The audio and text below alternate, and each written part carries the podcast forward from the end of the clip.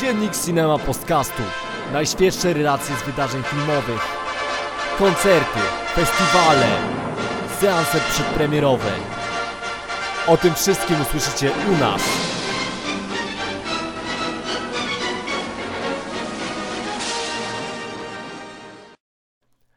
Cześć! Z tej strony Adrian, witajcie w dzienniku Cinema Podcastu. Jestem reprezentantem pełnej sali, jak się cieszę, że redaktorzy pełnej sali aż tak bardzo wnikliwie nie słuchają moich podcastów, e, które nagrywam i które wrzucam tam na stronę, bo chyba by mi zablokowali ten, e, ponieważ e, naszło mnie po prostu ochota, żeby zrecenzować dwa filmy, które ostatnio widziałem. I naszła mnie dlatego, że wypiłem po prostu dwa piwa, więc mój podcast nie będzie najlepszym podcastem, jaki nagrałem, ale za to będzie najbardziej spontaniczną rzeczą, jaką zrobiłem w historii podcastingu, w historii mojego podcastingu oczywiście. E, po prostu postanowiłem, e, że nagle zdagram ten podcast, jeszcze tego samego dnia go udostępnię. Pewnie nie będę montował go za bardzo. I mam nadzieję, że jakoś rzetelnie się wywiążę z tej recenzenckiej, z recenzenckiego obowiązku e, ocenienia dwóch filmów, które widziałem. One wyszły w ostatni piątek. To są dwa polskie filmy. Mam nadzieję, że podpowie Wam to jakoś, co macie obejrzeć, na co iść do kina. Opowiem Wam o Synu Królowej Śniegu i opowiem Wam o Ataku Paniki. E, zaczynając od Syna Królowej Śniegu, bo jego widziałem pierwszego. E, dlaczego w ogóle wybrałem się na ten film? On ma skrajnie złe opinie. Na Nowych Horyzontach każdy mówił, że to kicz, że to jest beznadziejne połączenie mrocznej baśni z taką patologiczną rzeczywistością polską. E, i zupełnie kuriozalny film. E, tymczasem nasz redaktor, e, nasz współpracownik i oczywiście nasz podcaster Gareth Reza opowiedział dość pozytywnie o tym filmie. Wyrażał się, że to jeden z najlepszych filmów, które widział na tym festiwalu i to, jest, to była tak dziwnie inna opinia od tych, które słyszałem, że musiałem sobie, musiałem zobaczyć to, to dzieło i dowiedzieć się, jak to z nim tak naprawdę jest. E, czym jest Syn Królowej Śniegu? No jest opowieścią Annie, która nie odnajduje się w macierzyństwie, ona zaszła w ciążę jako młoda osoba, nie wiemy dokładnie z kim, każdemu opowiada inną wersję tych wydarzeń i opowiada o Marcinku, którego wychowuje tak samotnie Anna. Anna nie radzi sobie zupełnie z macierzyństwem, e, wręcz e, sama czuje, że to nie jest jej powołanie, że to nie jest rzecz, do której jest stworzona. I jakoś tak chłopiec zagubiony samotnie zostaje zostaje sam z e, tym problemem właśnie, bo nie ma go kto wychować. E, ojcem, ojcem zastępczym nazywa Kamila, przyjaciela Anny, który się podkochuje w niej. A sam, sam, gdy Kamila nie ma, to jakoś odnajduje, odnajduje tą energię tak, żeby, żeby żyć, żeby dalej funkcjonować w baśniach Andersena, które opowiada mu sąsiad, pan Kazimierz. W tej roli Franciszek Pieczka, bodaj 90-letni już Franciszek Pieczka. I to jest właśnie taka dziwna fuzja baśniowego świata, taka, taka wręcz przełożenie baśniowego świata na nasz grunt. Opowieść o tym, jak e, Królowa Śniegu, tytułowa Królowa Śniegu, tak e, oswaja się z macierzyństwem i co z nim w ogóle zrobi. E, w zasadzie oswaja się to złe słowo, ponieważ Anna jest e, taką osobą i tutaj, tutaj e, od razu podkreślę, że rys postaci głównych bohaterów, czyli Anny i Kamila, Marcina trochę mniej, jest bardzo, bardzo ciekawie w sumie stworzony, ponieważ mamy tutaj postaci właśnie, y, postać właśnie głównej bohaterki, tytułowej bohaterki, Anny, e, przedstawioną jako taką osobę, e, która ma pewne wartości, ale te wartości e, są uznawane za rzecz bezwartościową. Ona bardzo by chciała mieć e, przystojnego mężczyznę, któremu mogłaby się pochwalić znajomym.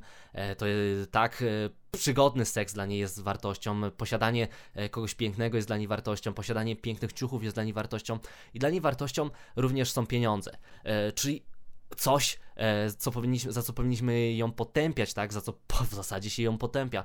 Natomiast e, dla niej to są rzeczy, e, absolutnie podstawowe rzeczy, których pragnie, których, które chciałaby mieć, a posiadanie dziecka, no przeszkadza jej w tym. I mamy Kamila, Kamila, który myśli w zasadzie bardzo podobnie. Opiekuje się Marcinkiem, tylko dlatego, żeby zdobyć serce Anny, żeby zdobyć kobietę, która mu się podoba, która jest ładna, którą brzydko mówiąc chciałby przelecieć. I to są osoby, owszem, antypatyczne, osoby, które, mm, e, jeśli widzowie, e, którzy chodzą do kina, żeby angażować się w film, żeby utożsamiać się z postaciami, e, zobaczą takie osoby, no to od razu odrzuci ich od nich, ale jak dla mnie zarysowano dobrze właśnie taki tok myślenia, takie, takie wartościowanie. Absolutnie podoba mi się właśnie e, to podejście do tego, żeby przedstawić świat z perspektywy tak antypatycznych postaci. Z podejściem do wizji e, świata widzianego oczami, oczami dziecka jest, już gorzej, bo o Marcinku wiemy bardzo mało. E, sama postać pana Kazimierza, który opowiada mu bajki, też e, jest jakby z, z, innej bajki, dosłownie tak można powiedzieć, z innej bajki. Franciszek Pieczka widać, że e, te sceny z nim zostały nagrane zupełnie poza filmem, zupełnie są oderwane od reszty i mamy tutaj całe mnóstwo groteskowych postaci. Zaczynając od matki, Kamila, która jest fanatyczką religijną, a skończywszy na samym szatanie. Mo już mogę wam powiedzieć, że to jest bardzo, bardzo ciężki klimat, E, to jest opowieść o ludziach, którzy w zasadzie szukają szczęścia, szukają miłości, w, że w miejscach, gdzie jej nie znajdą, znajdą tylko tymczasowe szczęście, tymczasowe e, pociechy. I wbrew pozorom nie jest to wcale baśń, bo tutaj elementów fantazy bądź elementów e, takich naturalnych nie ma w zasadzie w ogóle. Mamy tylko fragment, e, jak widzimy tytułową Królową Śniegu w takim przebraniu, E, w przebraniu takim baśniowym. To jest tylko fragment e, sceny teatralnej, natomiast mamy też jedną scenę, w której Marcinek e, szuka w, na strychu Franciszka magicznej kuli. Owszem, jest to baśniowy element, ale wydarzający się naprawdę, więc cały film jest tak naprawdę brudny, realistyczny, mnóstwo tu seksu, mnóstwo nagości, mnóstwo wulgaryzmów. Już e, w pierwszej scenie to widać, kiedy z sceny czytania bajki przechodzimy do sceny, gdy pojawia się plansza tytułowa i gdy pada pierwsze przekleństwo, kiedy po prostu te, ta baśniowość od razu się zawala i skupiono się właśnie na takim przedstawieniu e, patologicznej Polski. E, takich ludzi, którzy bardzo, bardzo źle się czują w swojej skórze. I w zasadzie ten film no jest dobrze, jest dobrze rozegrany w tej kwestii, nie? E, podoba mi się, podoba mi się to, jak podchodzi się do postaci e, absolutnie nie dających się lubić postaci, ale jednocześnie z jakimś tam, z jakimś tam zrozumieniem. E, przy czym to bywa po pierwsze niepoważne, po drugie groteskowe, po trzecie zwyczajnie nudne. W jakimś momencie ten film się załamuje, bo wiemy dokąd zmierza. E, oczywiście nie chcę zdradzać, czego, co jest przesłaniem jego, bo on został stworzony dla konkretny temat. E, on jest oparty na pewnej jakiejś historii, ale to wszystko jest pewną tajemnicą do jakiejś połowy filmu.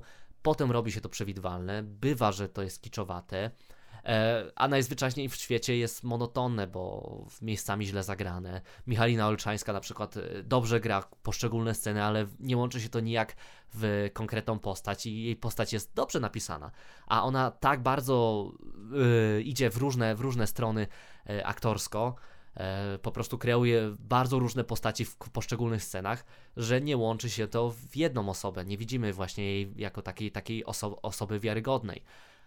I tak samo jest y, często właśnie z postaciami drugoplanowymi. No ale film jest bez żenady, raczej to nie jest jakaś tragedia. E, to jest y, napisany na konkretny temat film, który ma, wy, ma poruszyć pewne struny, ma opowiedzieć o tej ciemnej stronie ludzkości, tej ciemnej stronie e, Polski wręcz, e, której, której no, nie widzimy w kinie na co dzień i nie chcę, nie się też o niej opowiadać w tak niejednoznaczny sposób. I absolutnie ten film nie jest stworzony po to, żebyśmy sympatyzowali z bohaterami, ale by jakoś tam e, w jakiś sposób wytłumaczyć ich tok rozumowania. E, w tej kwestii się sprawdza, przy czym jest bardzo, ale to bardzo amatorski w wielu kwestiach i dlatego jest jedynie średniakiem, e, który zobaczyć można, bo ku mojemu zaskoczeniu, no, jest kinem przynajmniej, przynajmniej średnim, przynajmniej średnim, dającym się oglądać. E, I też nie widziałem, żeby ludzie na przykład z seansu wychodzili, więc daję radę. E, aczkolwiek e, myślę, że jeśli macie do wyboru lepsze kino, a na pewno macie, bo macie atak paniki, no to wybierzcie się na atak paniki. A czym jest atak paniki? Na pewno kojarzycie taki film, bo zarobił bardzo dużo i jest bardzo dobrze ocenianym filmem jak Dzikie Historie. Każdy porównuje do dzikich historii, atak paniki. E, niektórym aż to bokiem wychodzi, ale nie da się nie, nie przyznać racji, że trochę to jest po, podobne kino w zamyśle.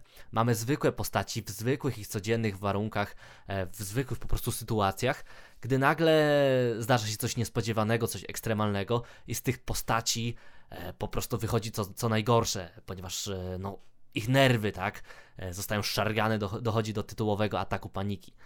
I mamy pięć noweli. E, one się przeplatają ze sobą. E, to jest coś niesamowitego też w polskim kinie, że one się dość inteligentnie przeplatają ze sobą.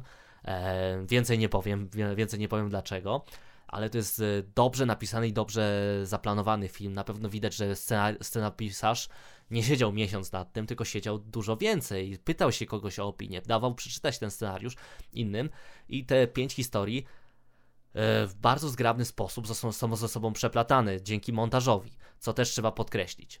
Całość, czyli atak, e, ten atak paniki, jest filmem, e, to jest czarną komedią. Taką e, bardzo, ale to bardzo czarną. Szytą na takich żartach, no, dość czasami niesmacznych, czasami mocnych, ale jednocześnie zupełnie nie popadających w taki jakiś kloaczny humor, e, czego ja nie lubię, co zawsze krytykowałem w filmach. E, nie, on jest e, po prostu ostry, niegrzeczny, ale jednocześnie zawsze uzasadniony. Odnosi się do sytuacji, w których no, na pewno nie powiem, że każdy z nas powinien się zna mógłby się znaleźć, nie, nie nawet, że powinien, tylko że ktokolwiek z nas mógłby się znaleźć. No ale odnosi się do sytuacji, które w jakiś sposób jesteśmy w stanie wczuć się w te postaci. I każda z tych historii jest opowiedziana troszkę in, w innym tempie, troszkę w inny sposób i ma troszkę inny morał. E, co wielu, wiele osób uznaje za wadę. Z dzikimi historiami też było podobnie, chociaż dzikie historie mimo wszystko miały jakiś tam jeden ton. No a tutaj. A tutaj czuję, że troszkę inaczej zostały zbudowane jednak te kolejne segmenty. Zupełnie inaczej zostały na przykład, na przykład napięcie zostało w nich stopniowane. E, to oczywiście tematy i postaci są też inne i jak mówię, morał e, każdej z nich jest, e, prowadzi do innej konkluzji, co jest fajne. Niektórzy owszem będą się denerwować, że w ataku paniki nie ma wspólnego morału. Ja powiem, że wręcz przeciwnie. Super. Jest pięć historii z zupełnie różnymi morałami, które niektóre z tych historii pewnie dadzą nam jakąś nadzieję, inne no wręcz przeciwnie. I to jest fajnie, bo dostajemy pięć różnych konkluzji, e, pięć różnych e, po prostu rzeczy do zastanawiania się nad tym wszystkim. A przy jednoczesnym e, zbudowaniu tego tak, żeby to było spójne akurat właśnie montażowo, akurat technicznie, akurat napięcie, które gdzieś tam nagle zaczyna eskalować, łączy się w jedno, no to to uzasadnia, czemu te historie znalazły się w jednym filmie. I podoba mi się to. No plus poczucie humoru jest jedno i to samo. I podoba mi się to połączenie, bo powiem wam szczerze, że owszem, Atak Paniki e, nie jest e, filmem jakimś tam też e, bardzo, bardzo e, czy tyczącym się tak e, problemów trzeciego świata, czy nawet pierwszego świata. E, jest przede wszystkim przyjemną zabawą, która została stworzona, jako zabawa została stworzona perfekcyjnie. Po pierwsze aktorstwo, ja nie widziałem dawno, żeby aktorsko tak bardzo film był spełniony, zwłaszcza polski film, y, bo o tym gruncie chciałem opowiedzieć. E, owszem, zagraniczne filmy lepiej zagrane widziałem, ale e, tutaj wyciskają aktorzy po prostu z siebie mnóstwo i to jak na przykład Artur Żmijewski zagrał, e, ja dawno nie widziałem tak dobrej jego roli. Jego nowelka, w której on się pojawia, no nie podoba mi się aż tak bardzo, ale jego aktorstwo e, tutaj chyba, osiągnął, osiągnął szczyt swojego aktorstwa, mimo że ja uważam, że to jest dobry aktor, że miał swoje dobre role, ale e, tutaj takie, takie odejście i odbicie się też od, od tej roli ojca Mateusza, z którą jest kojarzony, no super, chylę czoła. I e, aktorsko, montażowo, tak zdjęciowo, to, to w jakie rejony potrafi ta historia pójść i to wszystko zostaje też fajnie, ale to fajnie zakończone. Ja jestem, w, ja jestem zwolennikiem opinii, że klap spadł w tym momencie, w którym trzeba było i całość tworzy przystępny, tak, przystępne dzieło, czarną polską komedię. Absolutnie nie zabierajcie na nią dzieci, bo widziałem, że jedno małżeństwo przyszło z, dwoma, z dwiema małymi dziewczynkami, 7 do 9 lat, tak przynajmniej e, na oko i no nie wiem, czy, co, co one będą miały w głowie po tym seansie.